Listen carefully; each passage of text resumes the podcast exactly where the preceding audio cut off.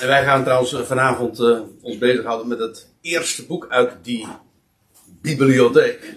Die ons is uh, gegeven. En ja, het is inderdaad de tweede keer dat we nu ons bezighouden met, met deze vraag. Dat eigenlijk niet helemaal model staat voor de inhoud, maar het is wel een, de directe aanleiding, de, de, de vraag in de titel. Leert de Bijbel een platte aarde? En laat ik eerst even, voordat we nu verder gaan, nog eventjes terugblikken op wat we de vorige keer hebben bezien.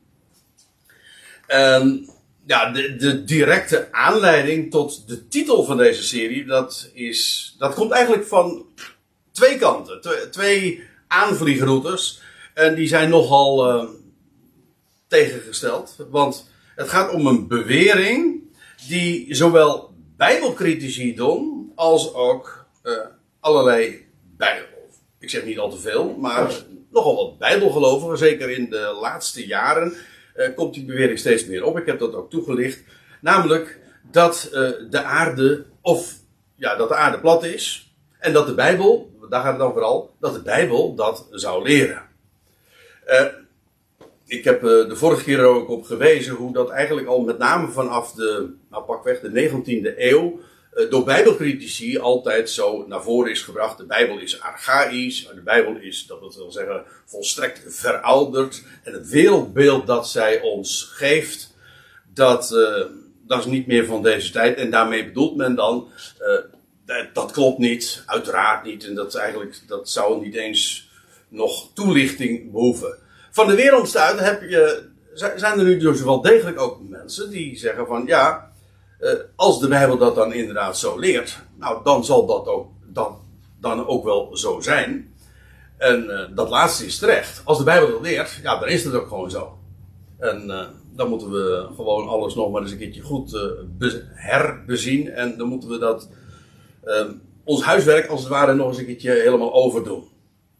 Nou, in ieder geval, dat was de directe aanleiding. En eigenlijk waar het meer in het algemeen nou deze avonden over gaat. En uh, het is nog helemaal, uh, het staat nog te bezien hoe lang we uh, hierover gaan doen.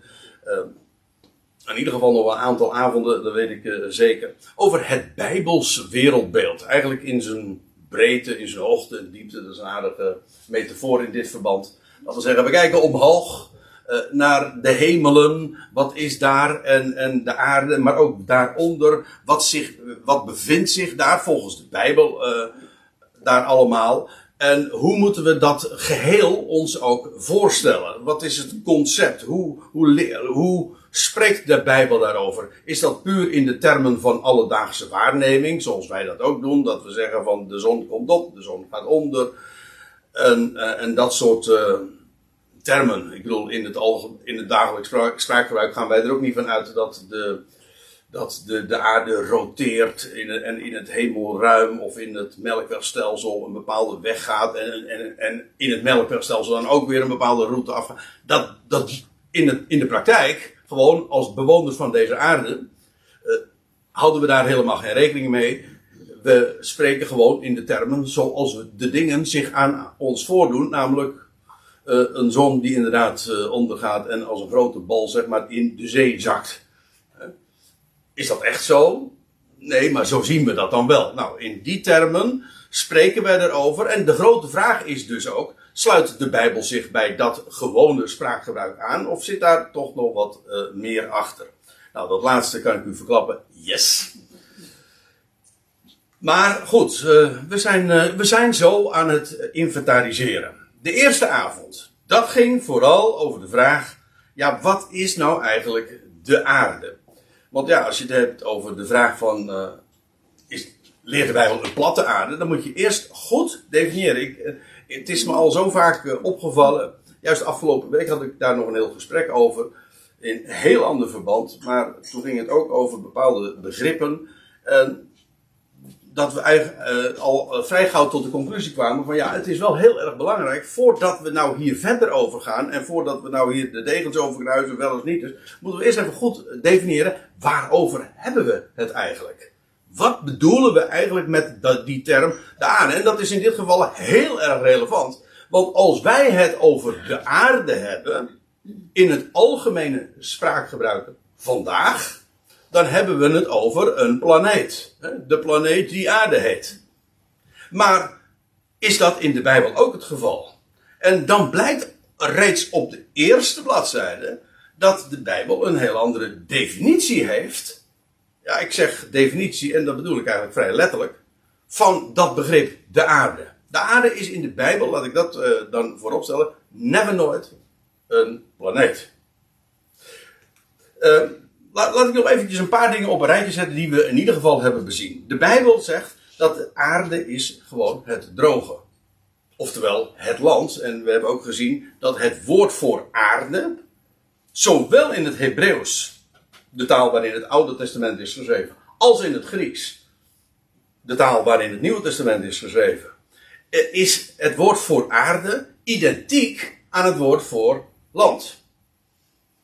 Dus die, en dat betekent dus dat als je in het Hebreeuws het woordje aarde ziet, arets, dan wordt dat ongeveer 50-50. Ik weet niet helemaal of ik het zuiver zeg, maar eh, in die, uh, in die orde van grootte moet je ongeveer denken. Dan wordt het 50-50, wordt dat woord arets, of erets, uh, vertaald met aarde. En in, de, in, in talloze andere gevallen wordt het vertaald met land. Met aarde en land. Ik weet niet meer wat het eerste zei. Maar in ieder geval, het gaat om het, hetzelfde. En je leest in Genesis 1, dat was de definitie ook. God noemde het droge aarde. Dat betekent dus ook, en dat was eigenlijk al eh, de conclusie die we al in een heel vroeg stadium konden maken, eh, nemen, of konden trekken, zo, dat is het woord. Dat is dat, eh, dat als je dus op, je op de zee bevindt, dan ben je dus niet meer op aarde. Op de aarde of op het land. Als, als je trouwens het land zegt, dan wordt het eigenlijk, dan is het vrij duidelijk. dan, dat is duidelijk. Als je inderdaad op zee bent, dan zeg je niet ik ben op land. Oké. Maar dat is eh, de wijze waarop Genesis 1 dat meteen al bij aanvang zo neerzet. Dat is de definitie. En met die definitie blijken alle problemen die zich aandienen rond dat begrip aarde en dat wat men erover zegt. Ja, die problemen uh, verdwijnen eigenlijk als sneeuw voor de zon. Zo heb je bijvoorbeeld de uitdrukking de einden der aarde. Waar je natuurlijk uh, over kan gefilosoferen dat als de aarde een planeet is, of de aarde is een, uh, een schijf, ja, dan kun je dan uiteindelijk, als je nou maar ver genoeg afgaat en je komt bij de randen, dan duvel je er gewoon vanaf. Nou, dat, dat is lange tijd voor velen een gedachte geweest van, dat is dat archaïsche beeld van de Bijbel, van dat je van de aarde af kan vallen. wat uh, uh, belachelijk en wat, uh, wat naïef om er zo over te denken. Bij nader inzien is dat volstrekt belachelijk om dat in de Bijbel in te lezen. Want als de aarde gewoon het land is, dan is dus het einde der aarde gewoon het einde van het land. Oftewel daar waar het land, oftewel de, de zee begint. De kuststrook dus. Dat zijn de einden der aarde. We, ja, we hebben zo uh, wat, uh, wat zitten grasduinen eigenlijk door de concordantie. En we hebben het woordje aarde, of land, of erets, of ge. Dat in het Grieks is dat dan het woord voor aarde of land. hebben we bezien. En dan kom je allerlei uitdrukkingen tegen. Bijvoorbeeld het rond der aarde. Nou, wat dat betekent in ieder geval dat de aarde rond is. Waarna, dat is trouwens nog. daaruit kun je nog verschillende dingen afleiden hoor. Want eh, in welke zin rond is? Bedoel je daarmee een bol? Of een hol? Kan ook nog. Ehm, of, een, eh, of gewoon een platte schijf, gewoon een cirkel. Nou, dat is namelijk ook rond. Eh, dus, maar in ieder geval rond. Dus in feite, die, die ene keer dat je hem vindt in, in Genesis, nee pardon, in Jesaja 40, dan wordt daar gesproken over het rond der aarde. En trouwens, daar spreken ook wij allemaal over. En zelfs een naïeve aardbewoner, al weet je helemaal niks, dan weet je nog dat de aarde zich inderdaad aan ons als kijker, gewoon hier, terwijl die, nou ja, niet, dat moet je niet binnen zitten, maar als je, wij spreken, maar je hebt genoeg zicht tot de horizon, dan doet de aarde zich zo aan ons voor. Rond. Toch? Geloof, uh, de lijn en uiteindelijk kom je gewoon weer daaruit. En dat betekent dus dat het een cirkel is. Oké. Dan heb je een term die daarmee uh, heel erg in strijd lijkt. Maar bij nader inzien toch valt dat reuze mee. En dat is dat de Bijbel ook bij verschillende gelegenheden spreekt over de hoeken der aarde. Of over de vier hoeken zelfs der aarde. En dan blijkt, en we hebben dat gezien in het boek Openbaring, staat het één keer zelfs heel expliciet in Openbaring 7. Openbaring 20 dan ook weer. Maar uh, dan wordt daar gesproken over de vier windrichtingen: Noord, Zuid, Oost en West. En dat zijn de. Maar ook dat zeggen wij in, het, in ons spraakgebruik, namelijk de windhoeken. En de aarde heeft, die, de aarde mag dan inderdaad rond zijn, maar niettemin heeft ze wel degelijk vier windhoeken. Dus dat uh, blijkt elkaar, die twee termen, of frases, bijten elkaar absoluut niet. Als je daar gewoon uh, zo even eerlijk uh, naar kijkt. Dan hebben we er nog eentje. De aarde staat vast. Ja, en wat we hebben gezien, dat is de normale gang van zaken. De aarde staat vast, ze wankelt niet. En dat is uh, uw ervaring en de mijne ook. In Groningen is dat soms wat anders. Maar u begrijpt nu meteen wat ik bedoel. Namelijk dat als we het hebben over een vaststaande aarde, dan, is, dan staat die term. is eigenlijk het, het tegenovergestelde, het antoniem van de aarde die beeft. Oftewel een bevende aarde, oftewel een aardbeving. En dat lijkt de betekenis te zijn. De, de aarde die vaststaat, wil niet zeggen dat de planeet aarde, want dat is, ik zeg het nou maar meteen, maar wat men eruit geconcludeerd heeft, dat de aarde dus als planeet een vaste positie heeft in het hemelruim. En dat, uh, en dat, die, dat de aarde niet beweegt. U weet, dat was toch in de dagen van Galilei het, Galilei het grote probleem. Uh, ja, eigenlijk, uh, het wereldbeeld was, geocent was geocentrisch. De aarde staat in het middelpunt, in ieder geval van het zonnestelsel. Eigenlijk zei men ook van het, van het ganse hemelruim. En, en, en de, de, zon draaide daaromheen. En toen zei, kwam Galilei en die zei: Nee, nee, nee, niks ervan. de aarde die draait om de zon. Nou ja, dat, werd, dat kwam hem erg duur te bestaan te staan, want uh, hij is op de brandstapel geëindigd. En een van zijn laatste woorden, naar men zegt, is: En toch draait hij. Uh, daden dus, zei hij. En er was de. Nee, het programma bestaat geloof ik nu niet meer. Maar bij de VARA, de wereld draait door. Hè? Daar ben ik het trouwens helemaal mee eens trouwens hoor. Dat die wereld behoorlijk doordraait. Maar dat is dan weer in een heel andere zin. Zie je? Het, eh, het, eh, het hangt er ook soms maar net eh, vanaf hoe je de dingen bedoelt. Want je kunt ook iets, je kan ook doordraaien in de overdrachtelijke zin. En meestal is dat trouwens ook de gedachte. Dus de, een vaststaande aarde heeft niks te maken met een aarde die in het hemelruim uh, onbewegelijk is. Want het hele idee is namelijk, in de Bijbel is de aarde geen hemellichaam. De aarde bevindt zich niet in de hemel, de aarde bevindt zich onder de hemel. Oftewel, de hemelen, ook, ook dat vind je, ik heb er verschillende uh, bonnetjes laten zien. Ik ben nog steeds bezig met mijn samenvatting. Maar goed, we moeten een stevig fundament hebben, we moeten wel vaststaan. Um, om dit nog even goed te zeggen. De aarde is in de Bijbel geen hemellichaam. De aarde is gewoon het land waarop we lopen. En dat bevindt zich onder de hemel. Oftewel, uh, de hemel bevindt zich boven de aarde. En beide uitdrukkingen, via, uh, ja, hangt er vanaf van welke positie je het beziet. Maar beide vind je terug in de Bijbel. Ja, en dit is, uh, ja, zo'n inventarisatie is van belang. Maar je snapt wel, uh, het begint eigenlijk bij, jij moet met recht goed beginnen, en dat is in dit geval ook letterlijk bij Genesis 1, waar we gewoon de definitie al krijgen aangereikt. En op het moment dat je dat gewoon als leidraad houdt, je, je hebt gewoon het goede uitgangspunt, het goede axioma, zoals dat dan heel deftig heet. En je begint, je begint goed, dan, dan blijken al die termen die, hier, eh, die we hier zien, maar ik zou het lijstje nog wel wat langer kunnen maken, maar dit is de belangrijkste zijn denk ik in dit verband. dan levert dat geen enkel probleem op. En dan, dan is het ook het hele verhaal heel consistent. Het, blijkt, het, het, het, het grijpt allemaal in elkaar. Maar uh, ja, je, dat is net als met een sommetje. Als je fout begint, ja, dan kom je dus ook never nooit goed uit. En daarom is het zo belangrijk om het goede startpunt te hebben. In dit geval de Bijbel, maar ik, nog meer specifiek. Begin bij Genesis 1, waar de definitie ons wordt aangereikt. En uh, ja, dan, uh, dan zie je gewoon wat de aarde is. Geen hemellichaam, maar het land, het droge waarop we lopen. En of dat plat of hol, hol is, dan, daar gaat het niet om. Maar dat is, dat is wat de Bijbel erover leert. Over, trouwens, over dat model, uh, hoe we dat zeg meer conceptueel, nog zo'n deftige term, moeten voorstellen.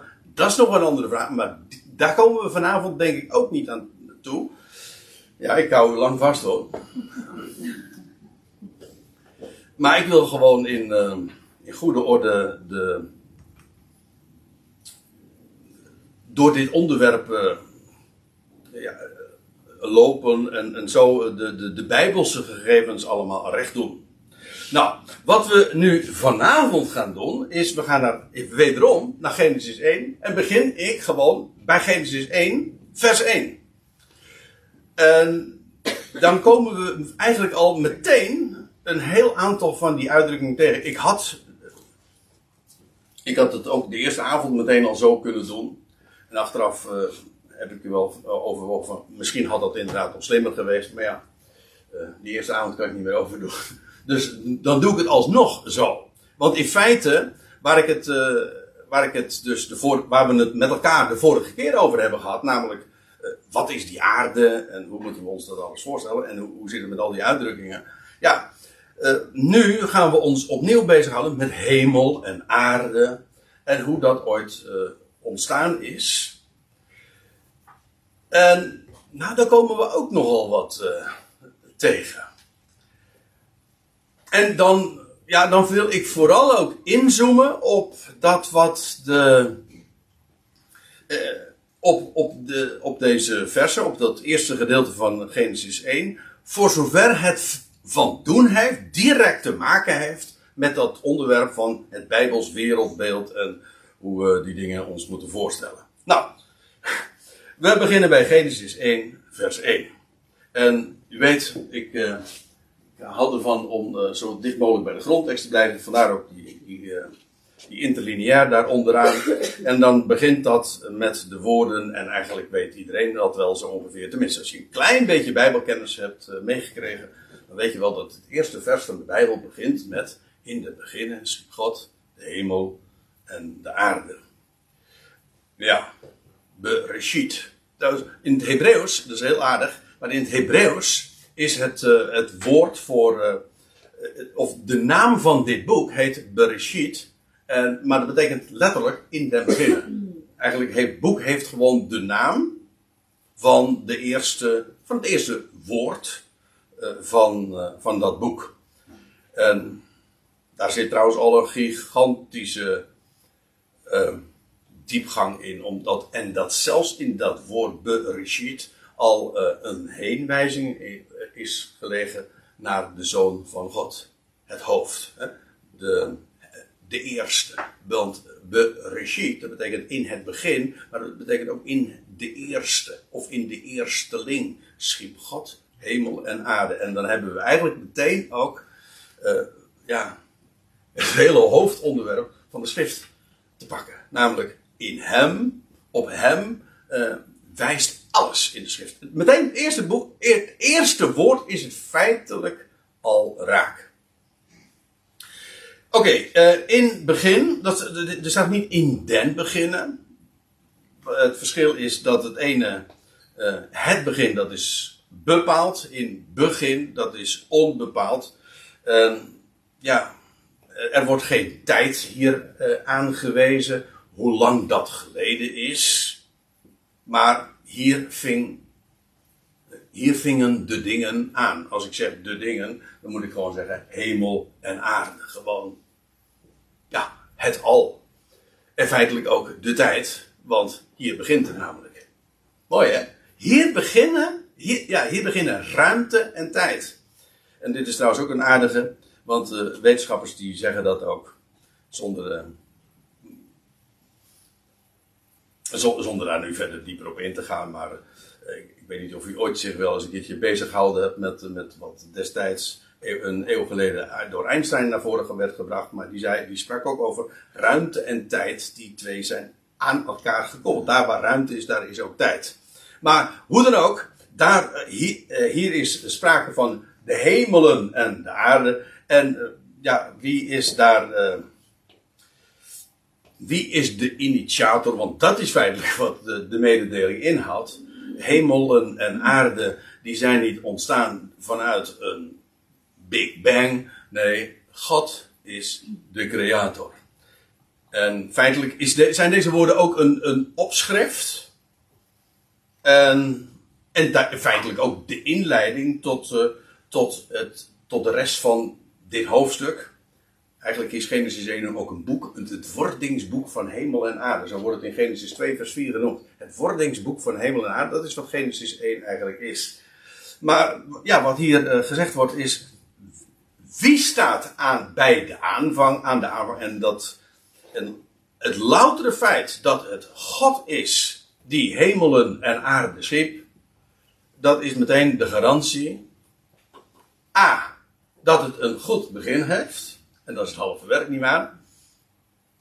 Maar ook dat de afloop daarmee ook gegarandeerd is. En dat het een goede afloop zal hebben. Want als hij degene is die alle dingen tot stand bracht en schiep en creëerde en voortbracht. Wel, de, dan is hij dus inderdaad God.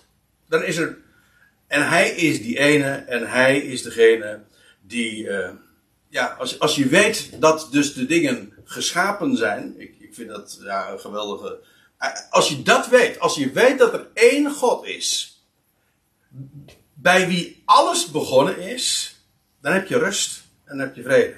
Dan weet je namelijk dat de dingen die er zijn, al snap je er geen ene hout van, maar ze zijn bedoeld.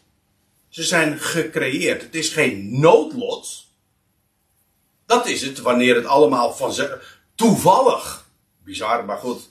Uh, laten we even uh, voor het gemak even eventjes meegaan met dat gedachte-experiment. Dat het chaotisch allemaal is ontstaan en dat het, uh, dat het uit het niets is voortgekomen. Eerst was er niets, weten we wel, en toen ontplofte het. Ja, nou, en nu zitten we hier. ja, geloof het zelf? Maar, maar, al, het hele idee gaat erin mee. Dat betekent dus dat we hier dus helemaal zonder bedoeling zijn. Er is geen plan, er is, geen, er is niemand die hier aan, die aan dat alles begonnen is. Er, is. er is niemand. Er is geen plan, geen concept. Maar dat betekent dus dat ons bestaan het hele bestaan, maar dus ook dat jouw en mijn bestaan gewoon doelloos is. Nou, daar word ik niet blij van. Daarentegen, op het moment dat je weet, er is een schepper. En hij schiep de dingen. Hemelen en aarde, alles in zijn eigen volgorde, etc. Ja, dat, dat is wat rust en wat vrede geeft. Oké. Ja, en hoe hij dat dan gedaan heeft, want ik zei al, dit is in feite uh, het opschrift, de inleiding uh, van het boek. En hoe hij dat gedaan heeft, ja, dat is eigenlijk wat de rest van het hoofdstuk ons verhaalt. En dan begint dat met, en de aarde was ja, chaos en leegte. Je begint met, uh, met en, dat is, dat, dat is een voegwoord. En dat wil zeggen, het koppelt de eerste, de eerste zin aan. Het voegt de, ene, de eerste zin aan de tweede zin. En dat hoeft niet per se plus te betekenen. Als ik zeg van 1 plus 1, 1 en 1 is 2, ja, dan heeft n de betekenis van plus. Je hebt er 1 en plus 1 en dat is dan 2. Maar en hoeft uh, lang niet altijd in, eh, in de Bijbel, uh, in de Bijbel, en trouwens ook, ook in ons spraakgebruik, niet die betekenis te hebben, maar heeft en ja, koppelt twee zinnen aan elkaar. Het kan zelfs de betekenis van of hebben. Of van maar. Of van namelijk. Als ik zeg, um, Ze is hier niet, maar zegt van, dit is mijn, dit is mijn vrouw en mijn geliefde. Uh, heb ik het dan over twee? Ja, dat sommige mensen denken dat. je, als je kwaad denkt, zou je dat kunnen denken. Hm? Vrouw en, en mijn geliefde. Nee, nee, dit is mijn vrouw. En tevens, of namelijk, mijn geliefde. Of de God en Vader van onze Heer Jezus Christus. Dat is niet de God en ook de Vader en de Heer Jezus Christus. Nee, natuurlijk niet. Het is de God die tevens is, of namelijk de Vader van wie? Van Jezus Christus. Dan, heeft, uh, dan is dat woord en uh, eigenlijk een, uh, een uitleg daarvan, of het zegt namelijk. Ja, en dan krijg je oh, over dit woord, ja, ik, daar is al zoveel over te doen geweest. Dit, dit ene werkwoordje. En vooral over de, de vertaling ervan. Want sommigen die verdenk ik ervan die, dat die nu een beetje boos zijn dat ik hier nu was heb gezet en niet werd. Klopt dat? Nee, nee dat, gaat hij toch niet zeggen. Nee, Dat zijn je eigen woorden. Dat ik, dat... ik heb hem aangepast aan, aan de aanleiding van Bijbelstudie van jou. Van, van mij? Ja. Nee, maar het, het is ook niet per se... Het is ook André. Niet... Oei. Ja. Oh, wat moet ik nou zeggen? Ja. Nou, dan, dan, moet ik, dan kan ik in ieder geval dit zeggen van, zie je maar weer hoe goed André nagerekend moet worden. Heel goed. uh, nee, maar het, het, het is niet, uh, er is heel veel om te doen. Uh, en de, de, de vraag is, want kijk, soms heeft het de, de zin van werd. maar dat is lang niet altijd het geval. Je kan dat niet koppelen aan dit, dit Hebreeuwse woord haita uh, bijvoorbeeld, je leest in, uh, in Genesis 29, Lea's ogen waren flats. Of zacht staat er eigenlijk. Uh, maar Rachel was schoon van gestalte en schoon van uiterlijk. En dan staat er, Rachel was schoon van. er staat hier hetzelfde haita. Kun je dan ook zetten wet? Dat, dat geeft niet echt een zin. Ik bedoel dit er eigenlijk eh, bij te zeggen. Uit het woord zelf. Zo, zo bedoel ik het. Ik wil er helemaal uh, geen, geen consequenties aan verbinden. Ik zeg alleen aan het woordje of het was of werd. Kun je hier aan zich geen consequenties verbinden. Wat wel het geval is. Dus kijk, er staat. En de aarde was chaos. Of in onze de meeste vertalingen staat woest. Eh, of verwoest en, ledig en ledig. En duisternis lag over het aan. Over de. Hoe staat het en over het aangezicht der wateren. Ja, over, uh, oh ja, lag over de vloed, zo in de MBG-vertaling. Maar dit is wel een, wel een ding. Hè? Hoe, want de aarde is, beschrijft dit. Dat is de grote vraag van Genesis 1, vers 2. Beschrijft Genesis 1, vers 2 de situatie zoals het was in de aanvang? Namelijk, God schiep hemel en de aarde. En die was toen woest en ledig. Dit is eigenlijk trouwens wel de meest gangbare traditionele uitleg. Nee, zeggen mensen, dat, is, dat kan niet de gedachte zijn. De aarde werd woest, ledig. En die duisternis die over de vloed kwam, dat is een situatie die daarna ontstond. En want als God schept, dan is dat niet woest en ledig. Lees je niet in, in, Job 38 dat toen God de aarde grond, grondvestte, dat de zonen gods tezamen jubelden daarover. Uh, is dat hier? Mensen uh, hebben ja, de vraag van, heeft God, laat ik het anders vragen, zeggen. Uh, de, de stelling van, God kan nooit dit op deze wijze hebben gecreëerd. Want wat God schept is goed. Maar dan heb ik toch een vraagje voor u. Als u dat zo zegt.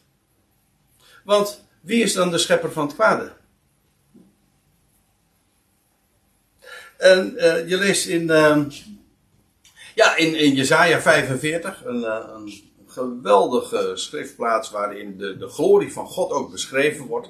Daar wordt dat ook zo naar voren gebracht. Van, ja, dan uh, zie op naar de hemelen en dan staat er, wie heeft dat alles geschapen? Maar ook Ik ben de schepper van licht en duisternis, van God, van, vrede, nee, van het kwade en van de vrede. Ik, Yahweh, doe al deze dingen. Het goede en het kwade. Het loutere feit dat toen in de aanvang de aarde uh, woest werd. Hoe, hoe komt dat? De gang, of ja, een van de verklaringen, en die ligt wel heel erg voor de hand, dat is de traditionele ook, namelijk dat ja, de aarde die werd woest en ledig, dat was de val van Satan. Zo in een, ooit een grijs uh, verleden, ver voordat de, de mens op aarde verscheen, toen, uh, toen viel Satan van zijn, vanuit zijn positie. Dat heet dan de val van Satan. Maar ja, daar zit, daar, het, is, het is niet echt het onderwerp en, uh, van, van deze studies. Maar ja, het, het, moet toch even aan de orde komen. Want ja, er wordt hier dan toch maar gesproken over de aarde die woest. of chaos. Ta, kent u de uitdrukking die hier die in het Hebreeuws gebruikt wordt? ken iemand die had geloof ik een.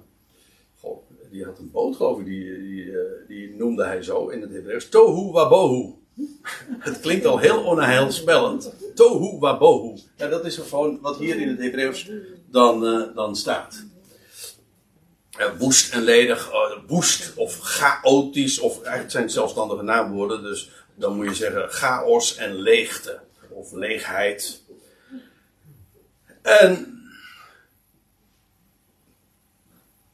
wat dat. Kijk, dat is eigenlijk als je in Genesis 1 dit beziet. Dan wordt, hier, dan wordt hier niks verklaard. Er wordt hier alleen maar gezegd van. In de begin schiep God. Hemel, in het begin schiep God hemelen en aarde. En dan. Uh, en de aarde was, werd. woest. Uh, chaos en leegte. En duisternis was. Nou ja. Hoe dat kwam. Vol van Satan. Nou, laat ik, laat eh, één opmerking daarover maken.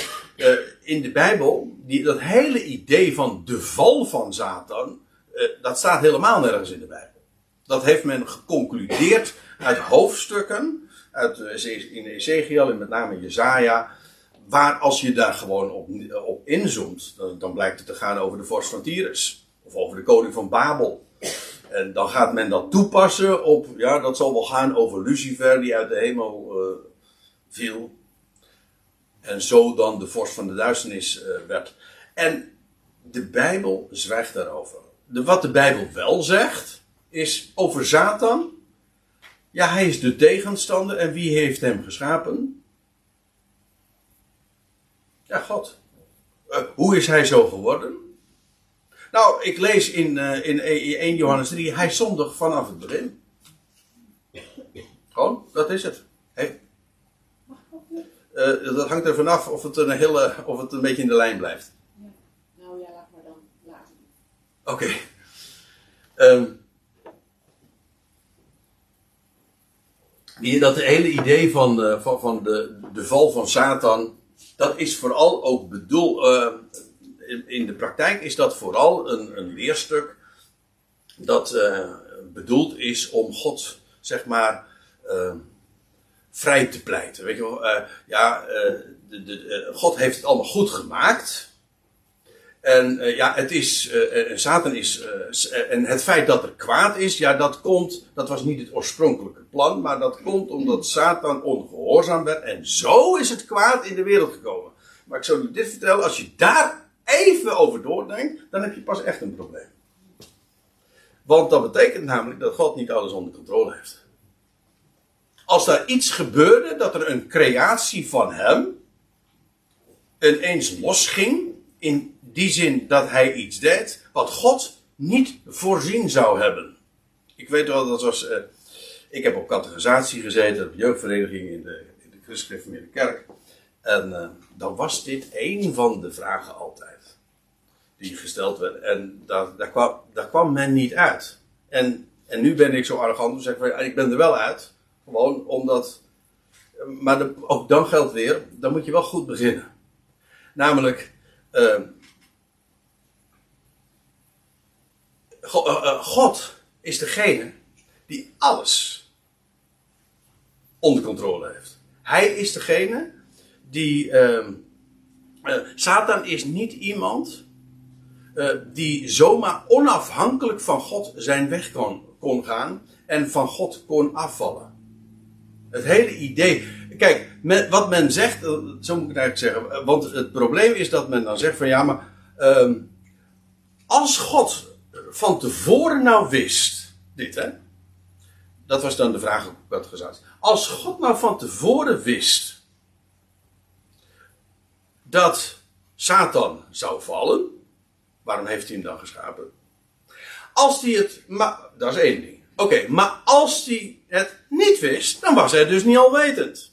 Dus of God is niet almachtig, want hij heeft het niet onder controle gehad. Er gebeurde iets wat, hij, eh, wat buiten zijn controle of buiten, buiten zijn voorzieningen of eh, omging, buiten zijn plan omging. Of hij is niet alwetend. Maar in beide gevallen heb je dus geen God meer. En het geweldige antwoord van de schrift, wat ik gevonden heb, en voor mij was dat, eh, er kwam een, een, een zee van licht, dat meen ik echt, in mijn hart, toen ik dit ging verstaan. God is God, de grote plaatser, en hij heeft ook het kwaad geschapen. Namelijk met een bedoeling. En hij maakt het kwade, keert hij ten goede, zoals hij dat trouwens überhaupt altijd in de schrift doet. En het kwaad heeft een functie. Vooral ook om eh, het goede zichtbaar te maken. Dat is eigenlijk vanaf de aanvang in de Bijbel het zo in Genesis 1 of in Genesis 2 al. God schiep. De, ja, eh, kennis van goed is nooit los verkrijgbaar. Het is altijd, eh, je krijgt kennis van goed door het kwade. Door contrast leren we de dingen kennen. En toen ik, toen je, als je over deze dingen niet alleen logisch nadenkt, maar ook bij het licht van het woord, dan kom je op zulke geweldige antwoorden. En het geweldige daarvan is, je komt in aanraking met een God die werkelijk de God is. En op het moment dat je dat ziet, dan begrijp je ook dat de goede afloop dus gegarandeerd is. Er is nooit iets misgegaan. Het is e- eigenlijk een van mijn meest geliefde spreuken. Degene die mij wel eens vaker eh, luisteren in mijn Bijbelstudies, hebben het me al tig keer horen zeggen. Bij God gaat er nooit iets mis. Hij is God. Nou, en dat het, eh, het loutere feit dat de aarde ooit chaos en leegte was, werd, of meteen al werd, zou, heeft het te maken met het feit dat de Satan, de, de, de, de Satan, de tegenstander, want dat is wat het woord Satan betekent, gecreëerd werd? Dat zou wel kunnen. Het staat er niet. Maar in ieder geval, ik heb er geen problemen mee dat God dit inderdaad zo gecreëerd heeft. Want hij is de creator van God en kwaad. Hier staat trouwens ook niet bij en God zag dat het goed was. Later wel, maar hier lees je dat niet. Het past in zijn plan, dat is wat anders. Oké.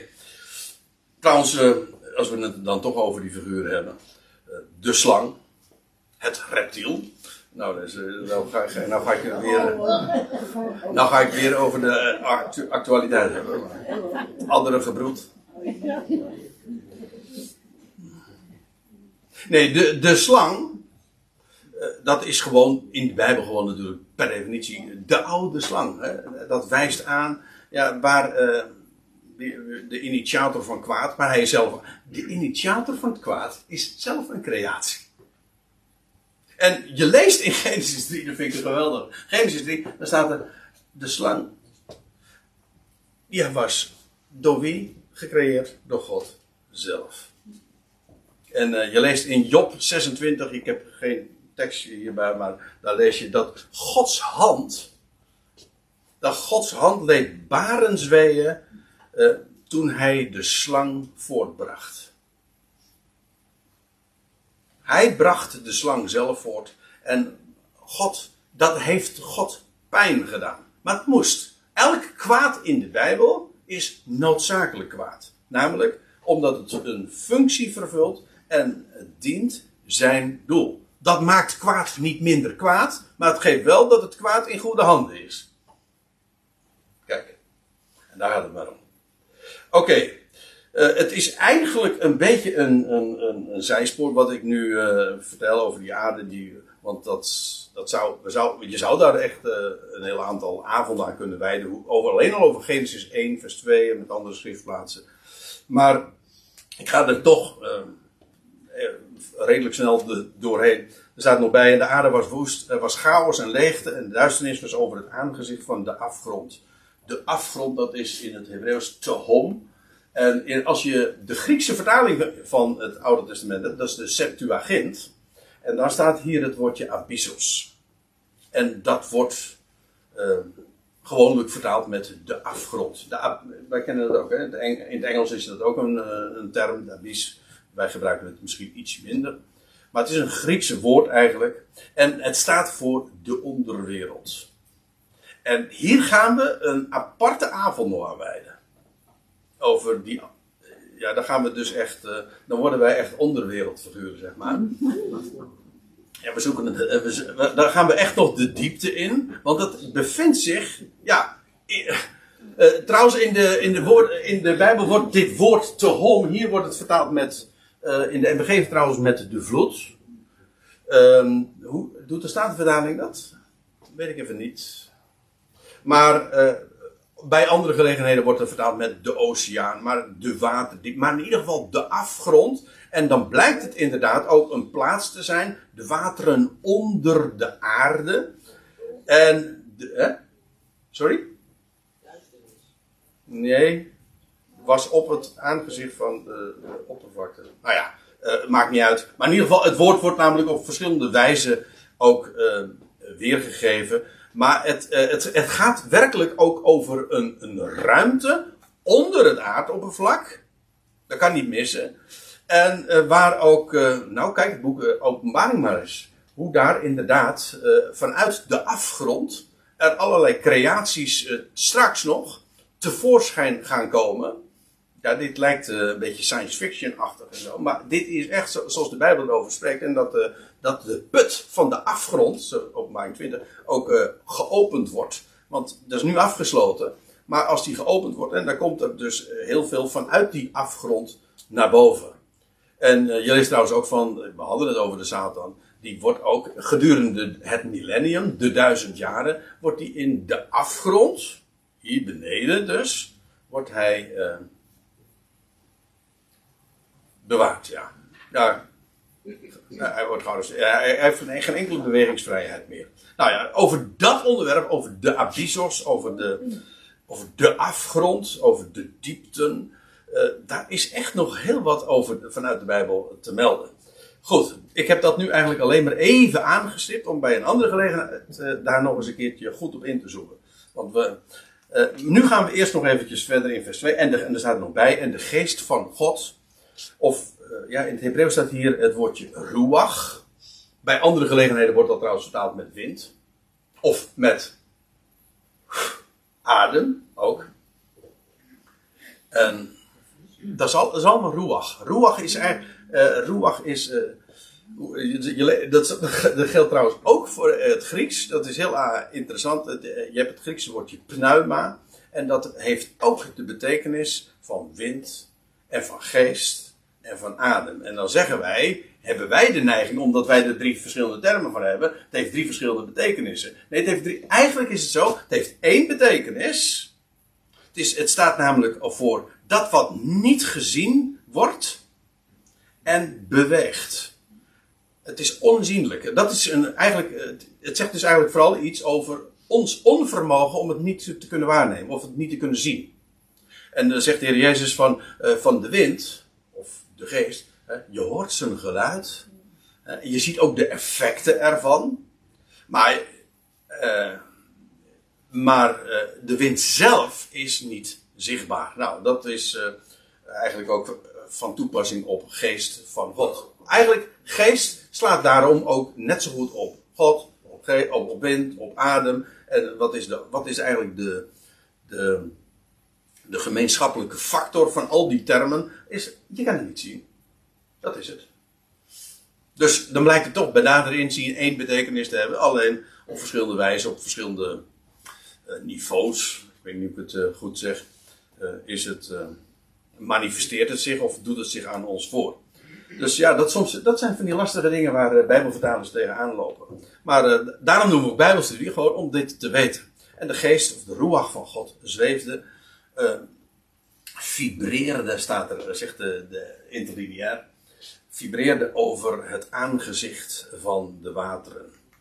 Ja, die de aarde bedekte, overigens. Want uh, dat is wat hier, wat hier gezien wordt in Genesis 1, vers 2, is een aarde die verwoest is, tot chaos is gemaakt. Hoe en wanneer dan ook. Maar in ieder geval, dat is eigenlijk waar Genesis 1, vers 2 van spreekt. Dat is de, eigenlijk het, het materiaal waaruit uh, het allemaal gemaakt wordt. Het was, het was leeg. Het, het, was woest en leeg. En wat wordt het vervolgens gemaakt?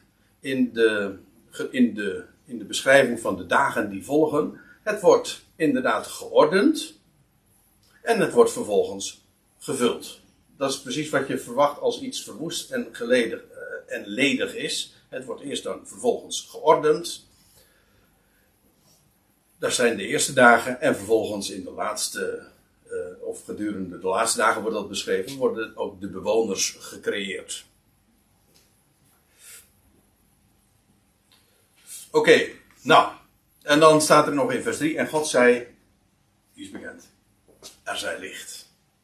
En er was licht. Want Gods woord is ook altijd daad. Het woord voor daad is in het Hebreeuws ook hetzelfde uh, woord. Dabar. Als God spreekt, dan gebeurt dat ook. Er staat in Psalm 33, hij gebood en het stond er. Hij spreekt en het is er. En dan nog, en God zag dat het licht goed was. En hij maakte scheiding tussen het licht en tussen de duisternis. Hij maakte scheiding, gewoon, hij onderscheidde uh, die dingen. Uh, hij, dat wil zeggen, hij maakt verschil. Hij maakt verschil tussen het een en tussen licht en tussen duisternis. En hij noemde het licht. Hier heb je het weer, definities. Hij noemde, hij, hij benoemt de dingen. Hij definieert feitelijk ook de dingen. Hij noemde het licht dag en de duisternis noemde hij nacht. Nou, ja, dus we hebben het hier over daglicht. En daarom, dat verklaart trouwens ook het fenomeen in de Bijbel, dat een dag, wij spreken van dagen van 24 uur, dat doet de Bijbel nooit. De Bijbel zegt, gaan er geen 12 uren in de dag? Ja, want het is 12 uur dag. Gemiddeld, hè? Of, of je nou in de, op de Evenaar woont of hier. En zelfs in de Noordpool of Zuidpool. Het is gemiddeld uh, zeg ik het helemaal goed? Uh, ja, 50-50, hè? Het is 12 uur uh, licht. Oké, in de winter is het wat minder. In de zomer is het wat meer. Maar gemiddeld 12 uur dag. En 12 uur nacht. Ja. Ja. En het was avond en het was morgen, dag 1. Staat trouwens niet in de eerste dag. Nee, gewoon dag 1 bij de, er staat geen rangtelwoorden, die lees je bij de andere wel. Hier wordt eigenlijk alleen, of er nog een dag zou volgen, dat, weet, dat, dat is niet duidelijk. Dit was in ieder geval één dag. En nou komen we nog op iets anders. Hier is sprake van zonsopgang, eh, of zonsondergang, avond, zonsopgang, morgen, van daglicht. En nou heb ik voor u een vraag. Hoe kan dat? ja, je leest pas op in, in, eh, in, in, verband met de derde dag wordt er gesproken over de creatie van de zon en de maan. En dit is, uh, ik had het net over categorisatie, uh, de, uh, over van die, van, die, van die standaardvragen, die zich namelijk aan elke enigszins intelligente lezer, of die aandachtig leest wat er staat, zoals de tekst zich aan je voordoet, gewoon, dit is begrijpend lezen, maar dit, dit roept meteen de vraag op, wacht even. Uh, maar de zonen waren er toch nog niet. En, en, en hoezo dan? Al, uh, het was avond geweest. Het was avond, het was morgen, dag 1. Ja. Nou is de vraag, uh, ik kijk eventjes naar Mini. hoe laat zullen wij gaan... want eigenlijk... nou, ik wil eigenlijk het liefst eventjes deze, dit ding nog even afronden. Dat mag? Oké. Nee, ik, ik, was een beetje bang dat de koffie koud zou worden. Uh, kijk, u moet zich namelijk dit realiseren, en dit kan voor sommige mensen schokkend zijn. Voor mij was dit een, uh, ook weer, ik, mag wel een openbaring. Um, u moet, ik weet niet of u het zich ooit gerealiseerd hebt, hier, deze zin die hier staat. Dat God zijn scheppingswoorden twee keer heeft gesproken. Dat was eerst bij de schepping, ooit, maar daar was geen mens bij. Toch? Maar hij heeft die scheppingswoorden bij nog een gelegenheid uitgesproken. Namelijk toen hij het openbaarde aan de mens. Ja, en dat is dus wat Genesis 1 beschrijft. En wat men meestal zegt, dat is eigenlijk zoals ik, zoals ik dat ook altijd heb gehoord. En vrijwel iedereen zegt dat. En ja, ik ben, sorry dat ik, uh, ik ben wel eigenwijs. Ja, ik, ik, heb daarmee leren leven. Maar in ieder geval, uh, en ik geef het u ter, dat geef ik ter overweging. Punt is, de, de gewoon je de vraag stellen op welke, uh, als God die scheppingswoorden twee keer heeft gesproken, waarop hebben die dagen betrekking? Op de eerste, toen hij de schepping, heeft hij de schepping geschapen in zes, in zes dagen? Of gaat dit, gaat deze dagen over de wijze waarop hij de scheppingswoorden voor de tweede keer heeft gesproken. Namelijk toen hij het openbaarde en bekend maakte aan de mens. En dat hij dus de Genesis 1 in zes dagen aan de mens openbaarde. Hij heeft zijn scheppingswoorden bekendgemaakt aan de mens. Ik ga ervan uit aan Adam. En dat heeft hij gedaan gedurende zes dagen. Is dit een eye-opener of niet? Gewoon de gedachte. Want waarom is dit zo een, eh, een, een eye-opener? Nou, al was het alleen maar om deze reden. Dat is dat het verklaart dat dus bij dag 1 de mens er al was. En dat er ook al dagen waren. En dat God op dag 1 zijn de scheppingswoorden, dat wat we tot dusver gelezen hebben in Genesis 1, dat maakte hij op die eerste dag, of op dag 1 zo u wilt, bekend. En de volgende dag maakte hij weer andere woorden bekend. Maar de mens was daar dus van aanvang dan al bij. En de aardigheid daarvan is dat dan die zeven dagen of zes dagen, eh, zo je wilt, want de zeven dag rusten die, uh, zijn, of staakte hij, want het was, voor, het was, het was klaar. Uh, zijn de dagen waarin de schepping dus aan de mens werd bekendgemaakt. En het verklaart nog iets heel essentieel. En dat is A, dus het, het loutere feit dat er sprake is van, van ochtend en avond en dagen en nachten, et cetera. Ja. Dat, als, als, als het inderdaad gaat over de, de schepping die God uh, bekend maakte aan de mens, is dat logisch. Maar er is dan nog iets uh, heel opmerkelijks. En dat is dat God dus logischerwijs gedurende de dag zijn scheppingswoorden uitsprak. En, want ook dat was al wel een beetje een, een, een ding. Van waarom dan overdag? Uh, hoezo uh, moet God rusten dan of zo? Nee, niet, niet de mens. Pardon, niet God rusten, maar de mens rusten. Namelijk in de nacht. En dus overdag, als de mens wakker is, toen heeft God zijn woorden, zijn scheppingswoorden bekendgemaakt op dag 1, op dag 2, op dag 3. En zo, um, niet omdat de, de, de, de, schepper van hemel en aarde moe of mat was of sliep. De, de, hoe, was het, hoe was het ook weer wat er in, eh, in Psalm 121 of 22. De schepper van hemel en aarde wordt nog moede, nog mat. En hij sluimert, nog slaapt. Nee, maar de mens wel. Dat, dat, en, in dat, en in dat ritme vertelt God ook aan de mens zijn de scheppingswoorden. Dat wil zeggen, hij heeft hemel en aarde geschapen en hij vertelt dat gedurende die zes dagen aan de mens. En die dagen zijn dus inderdaad letterlijke dagen. Niet de wereld die in zes dagen is geschapen, maar de, God heeft de schepping geschapen in, in het begin, wanneer dan ook en hoe lang dan ook, hoe lang de geduld staat niet.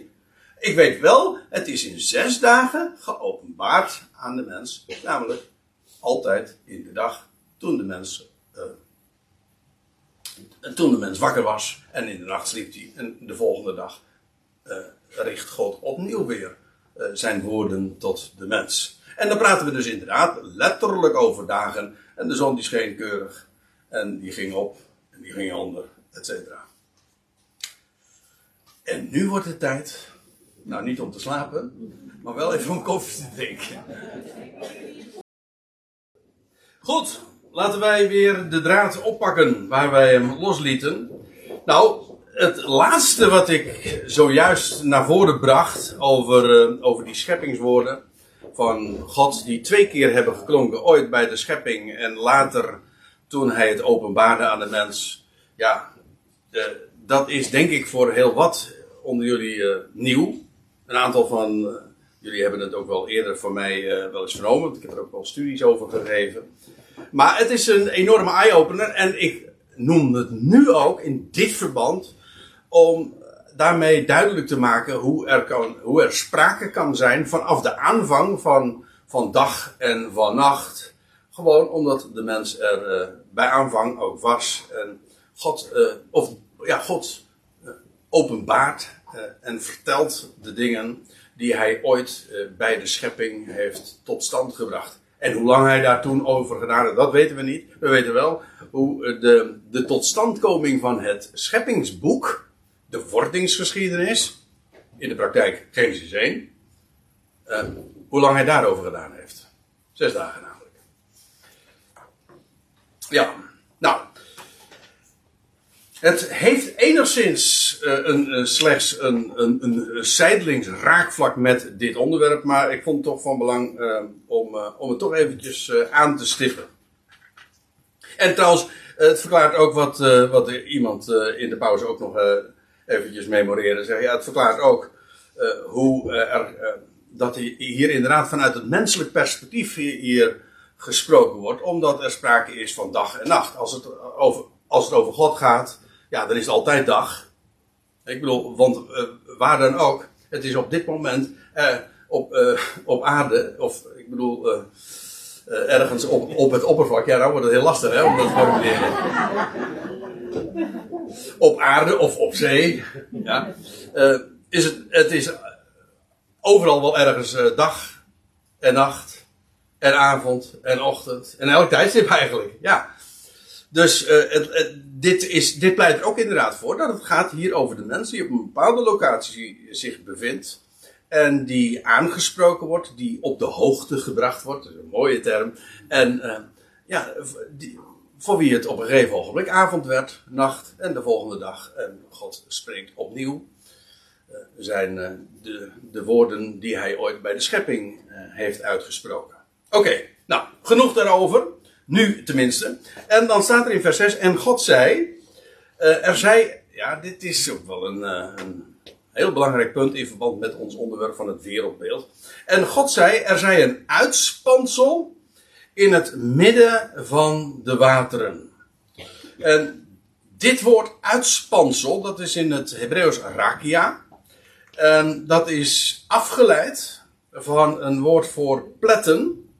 En heeft daarom ook als gerelateerde of verwante begrippen van dun, ijl, maar ook uitgestrekt. En de meest bekende associatie is die van, en die ligt trouwens heel erg voor de hand ook, is die van een, het uitspannen van een tent.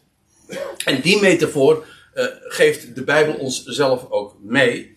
Bijvoorbeeld in Psalm 104, daar staat er: Hij spant de hemel uit als een tentkleed. Dat laatste is of als een gordijn, zegt de Statenvertaling. Maar in beide gevallen uh, is daar sprake van, van een, een uitspanning, van het uitspannen. Iets wordt uitgerekt.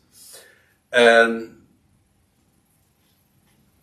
Ja, in het, in, er is trouwens, dat uh, ben ik vergeten te vermelden in, de, in deze dia's, maar uh, heel bekend is uh, ook een andere gedachte, en, maar die komt niet vanuit het Hebreeuws of het Grieks, maar die komt vanuit het Latijn, en dat is dat men spreekt over een hemelkoepel. In de zin van, in, in het Latijn is het woordje stereoma. En dan is het een koepel en dat is heel hard.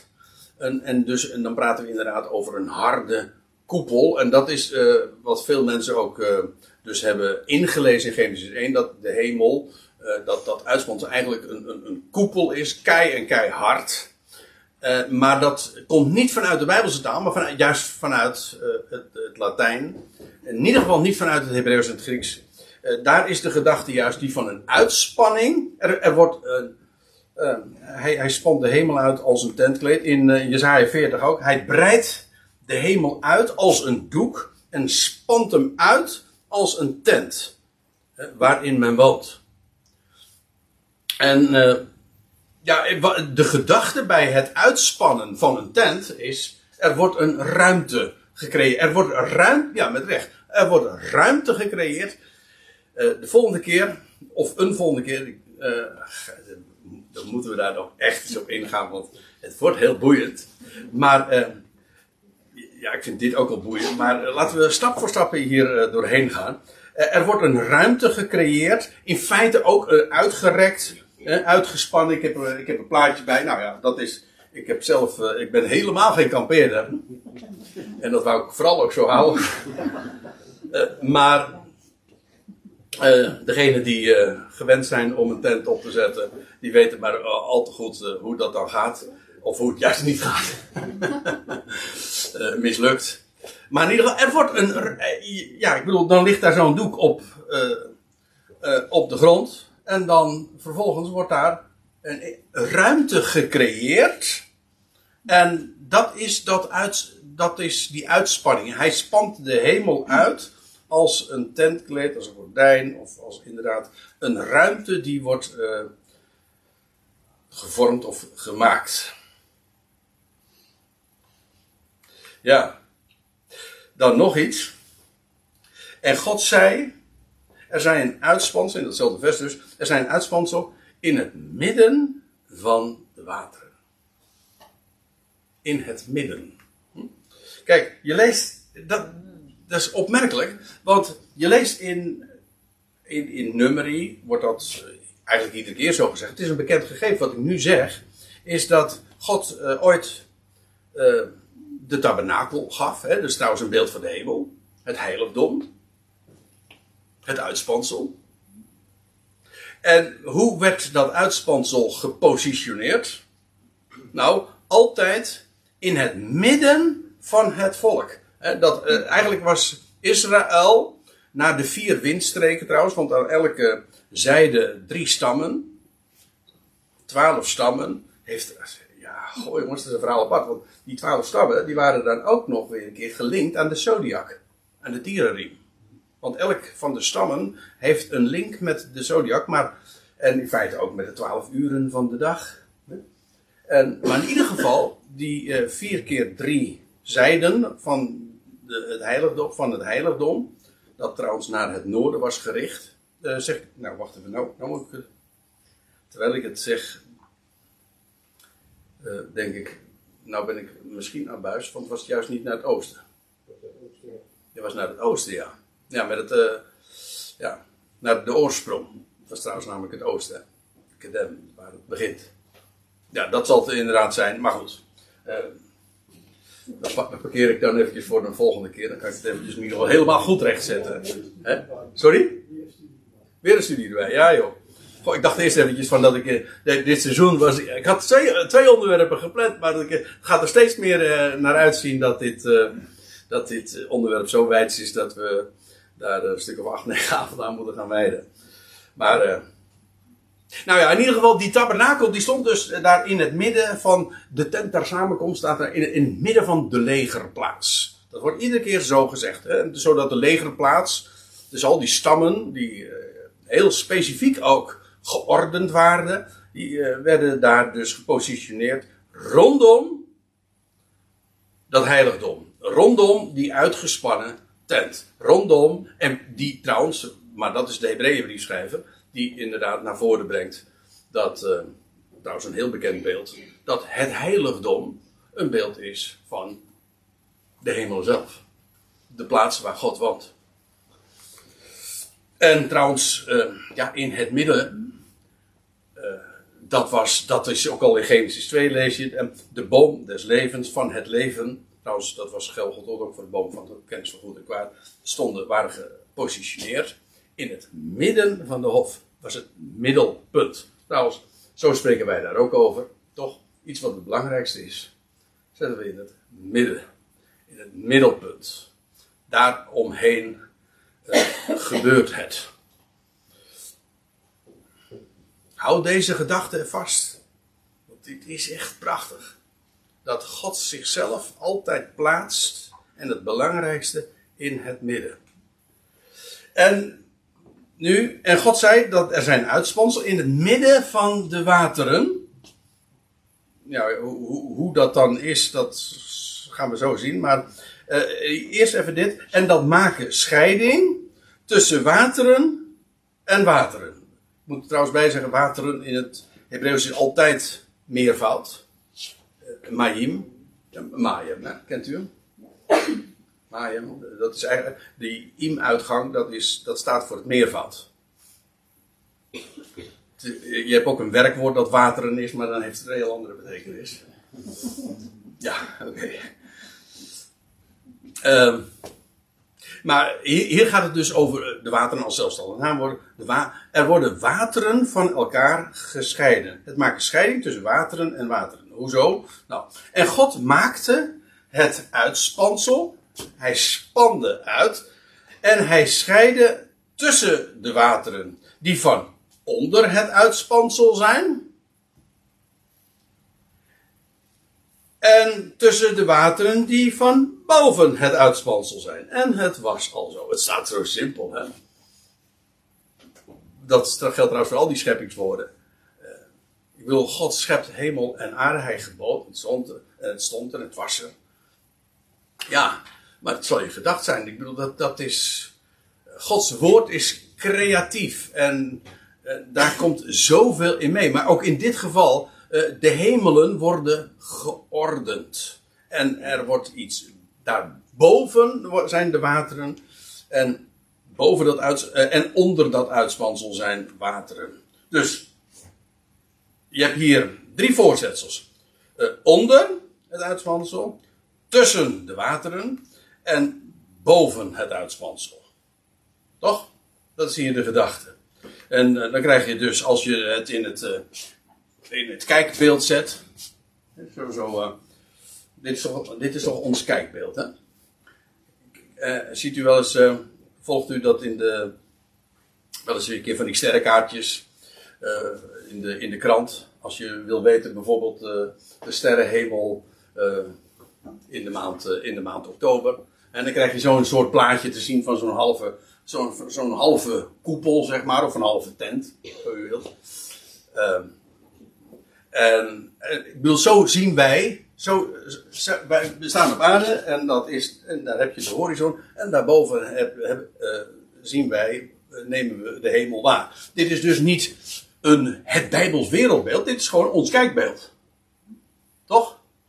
Je in die zin is dat dus een soort voor het gemak een halve schijf. Rond. Waarbij de grens de horizon is. De gezichtseinder. Dat, is, dat loopt rond. En daarboven, ja, daar hebben we dus het hemelruim. En daar, ja, daar zijn de, de sterren of de sterrenstelsels uh, gepositioneerd. En die bewegen zich allemaal keurig via, via een bepaalde ordening. Met uitzondering van de planeten. Nee, juist niet. De Polster is juist die, heel vast. Die, die, is de enige die met de meest vaste plek heeft. Zo goed als tenminste. Die staat al, uh, waar, waar dan ook, wanneer je ook in de nacht, uh, je kan altijd, dat is de Polster. En, uh, maar de rest van het hemelruim beweegt zich daaromheen. Maar er, zijn één type hemellichamen die zich daar niet aan houden. En die dwalen. En zo heten ze dan ook, namelijk planeten. Die gaan er gewoon kriskras allemaal doorheen. Een planeet is eigenlijk ook een dwaalster. Die gaat er allemaal. Ik bedoel, je hebt, eh, ik noem maar wat, eh, je hebt uh, wat wij dan noemen de grote beer. U weet wel, dat, dat steelpannetje. Het is altijd een steelpannetje. Toch? En die beweegt zich dan. en dan heb je daar de. Heb je de Poolster. ja, dan heb je de Poolster. En als je dan vijf. Ah, god, waarom zou ik dat ook gaan vertellen? Dat zou je toch even moeten zien, daar heb je een plaatje voor nodig. Nee, maar het is, het is wel heel erg makkelijk als je een klein beetje je kan oriënteren in, uh, aan, aan het hemelruim. En eigenlijk, de ellende is, wij, wij kunnen dat eigenlijk nauwelijks meer tegenwoordig. Ik, niet, ik, uh, zit mij trouwens helemaal, ik sta mij helemaal, helemaal niet op te werpen als een kenner of expert, totaal niet. Ik ben uh, geïnteresseerde leek, niet meer dan dat. Maar ik heb bijvoorbeeld destijds toen mijn oma, die al lang en breed overleden is, uh, maar die komt, kwam uit het boerenbedrijf. En die wist altijd zo donders goed hoe dat zat met, uh, met, uh, met volle maan. En wanneer het weer wassende waan was. En afnemende. En die, wist, die, kon, de sterren allemaal keurig aanwijzen. En, en mensen die op zee varen, ja, dat, was het helemaal. Was zelfs noodzaak om dat goed te kunnen kennen. Om, om, om te kunnen, überhaupt te kunnen navigeren. maar wij weten dat niet meer. We hebben gewoon, wij hebben al, alles, uh, bij ons dwaalt alles, hè? de wereld draait door. En, en wij hebben Google, ja. Nou, dat, dat, ik heb hier, ik heb op mijn, uh, op mijn dat, uh, kan, dat kan ik u erg aanbevelen. Ik heb zo'n een, een app op mijn mobiel, waarbij je gewoon de sterren zo'n Sky Map heet dat in mijn geval dan. Er zullen ongetwijfeld veel meer van die apps zijn. Maar dan zet je hem gewoon op, dan zeg je, goh, welke ster is dat, of welk sterrenbeeld. En je richt je mobiel daarop. En dan zegt, zegt hij gewoon van, nou, dat is die, dat en dat sterrenbeeld. Nou, leer nog eens wat, hè? Ja. Dus, dat is allemaal wel mooi. Dat is erg mooi. Mooi speelgoed. Maar ook zeer leerzaam. Maar je krijgt dus deze gedachte. Dus uh, dit is dag 2. De, de aarde was nog helemaal bedekt met water.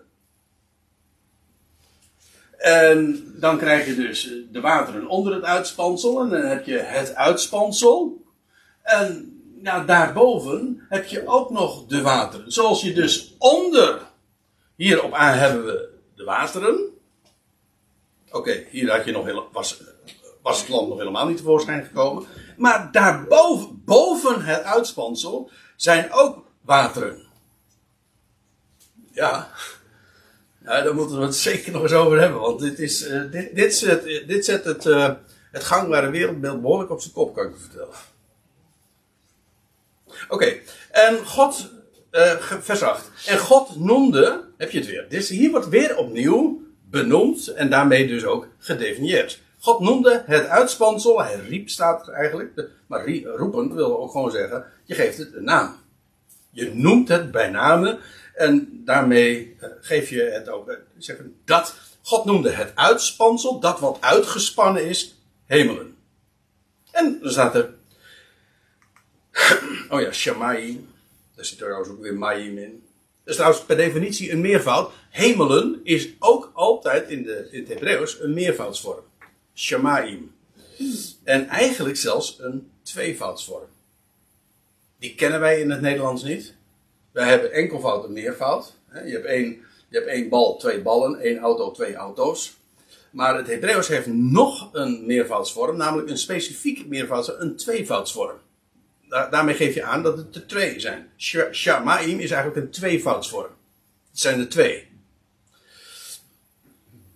En die is ook boeiend, die moeten we eventjes doen.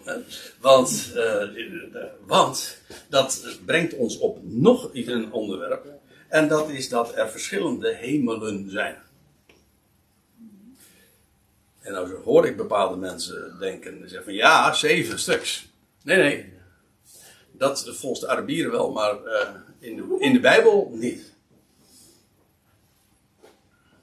Of, u, bent wel, u bent wel eens in de zevende hemel geweest. Nee, maar uh, ik kan u wel vertellen, Paulus was ooit opgetrokken in de derde hemel.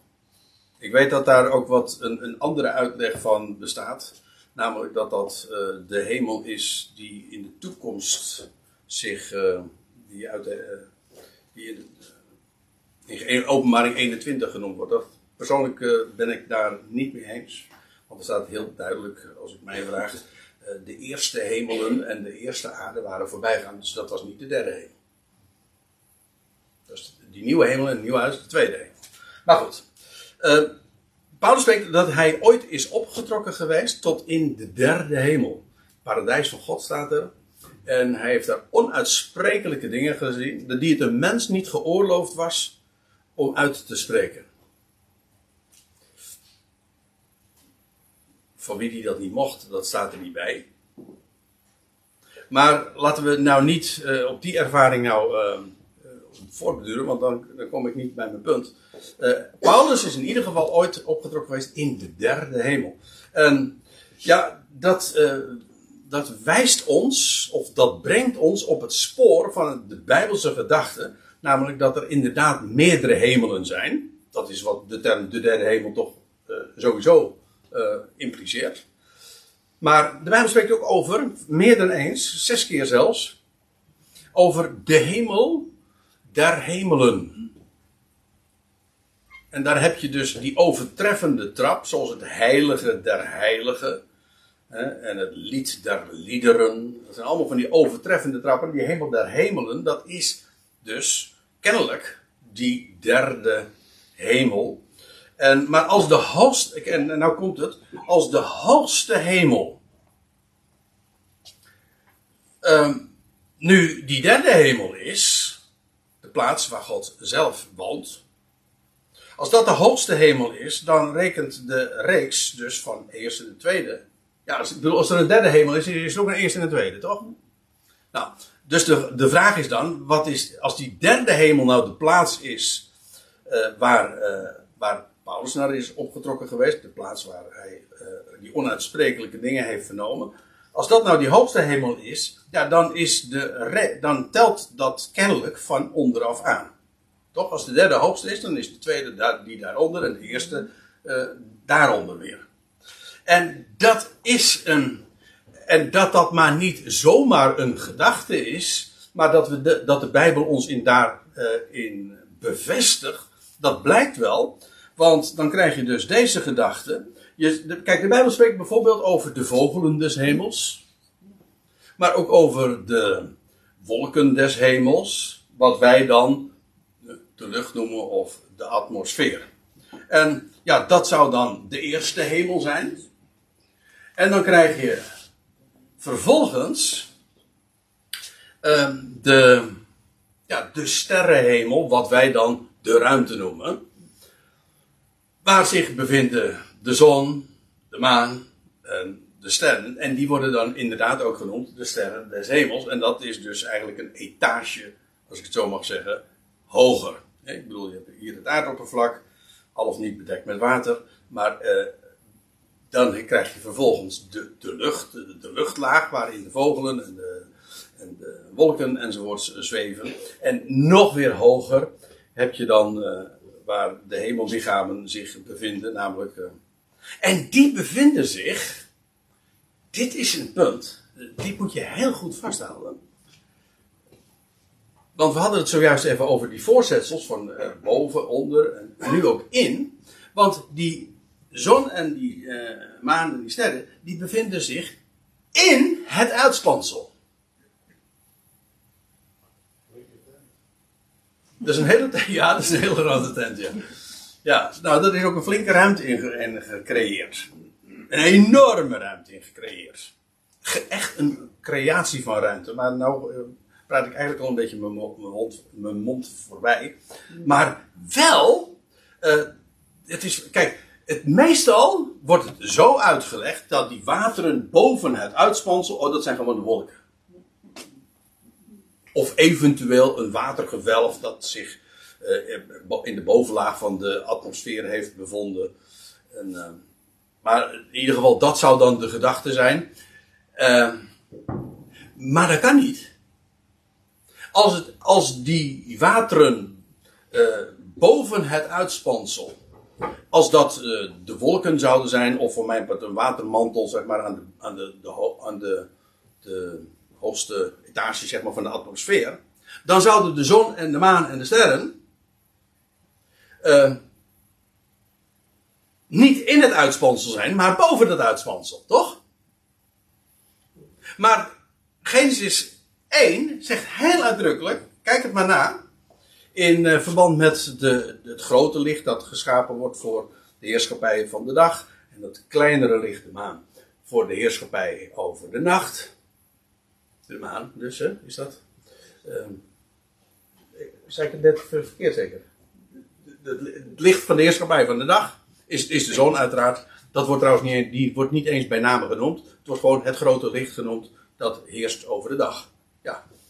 En het kleinere licht, die minder licht geeft dus, een mindere, kleinere lichtdrager, dat is de maan en die heerst over de nacht. Dus de nachtvorst, zeg maar. Ja. En, eh, en er staat er ook nog benevens de sterren. Die worden dan ook nog eventjes zo terloops genoemd. Al die andere hemellichamen. Maar die bevinden zich allemaal in het uitspansel. Dus zodat je in Genesis 3, of pardon, Genesis 1, de, eh, het, het uitspansel hebt. Die uitgespannen tent. En daaronder bevinden zich wateren. Aan de bovenkant bevinden zich wateren. En daarin bevinden zich de wolken en de vogels. En, maar ook de zon en de maan en de sterren. En u zegt van ja, nou wordt het lastig. Of moeilijk. Of dit is heel anders dan dat ik. eh, dat je daar dus boven de zon en de maan en de sterren. heb je dus de wateren boven het uitspansel. Maar dat is wel de wijze waarop Genesis 1 dit, eh, dit naar voren brengt. Als je tenminste die voorzetsel gewoon neemt zoals ze zich aandienen, dan kan ik niet geen andere conclusie trekken. Trouwens, dan heb ik, eh, nou moet ik even mijn lijstje nog compleet maken, want ik had het dus over de eerste hemel. Oké, tweede hemel. En dan hebben we nog de, die derde hemel. Eh, Neem het plaatje maar niet kwalijk, maar het gaat eventjes voor de uitbeelding. Waar de troon van God is. Ja, dat is dus de hemel der hemelen. De hoogste hemel. En ik heb hem hier expres eh, onder die wateren geplaatst. Waarom? Omdat ik geloof dat juist die troon ook wel degelijk in dat uitspansel staat. In die tent. In die uitspanning. In dat heiligdom, om zo te zeggen. Want zo, eh, zo wordt het ons. eh, in, in Genesis 1 wordt het inderdaad zo neergezet. dat je daar dus dat, dat, die, die, die, ruimte he- hebt. die God heeft uitgespannen als één tent. En daar in die tent zijn inderdaad bewoners. en dat, zijn inderdaad, dat is eh, de atmosfe- atmosferisch, zeg maar, van aard. maar ook de hemellichamen. Maar eh, als hoogste bewoner, om zo te zeggen, is daar ook de hemel der hemelen, de hoogste hemel, de derde hemel. En eh, ja, dat is, eh, eh, dat is dan de, de, de, de reeks, of ook, ook de, niet alleen de reeks, maar ook de, de verschillende niveaus in het uitspansel, zoals, zoals de schrift daarover spreekt. Ja, en nou wilde ik eigenlijk nog naar die vierde dag toe gaan. Of wat er op de vierde dag eh, verteld wordt. Maar ik zie dat het nog maar een paar minuten voor tien is. Dat ga ik nu niet meer doen. Want dat, eh, dan ga ik iets aanpakken wat, eh, wat ik toch niet meer kan afronden. Dus ik denk dat we er verstandig aan doen om het, om het hier even bij te laten. Misschien is er nog eventjes tijd voor een korte vraag. Of eigenlijk moet ik zeggen, een vraag waar niet een al te uitgebreid antwoord op hoeft gegeven te worden. Dat kan wel.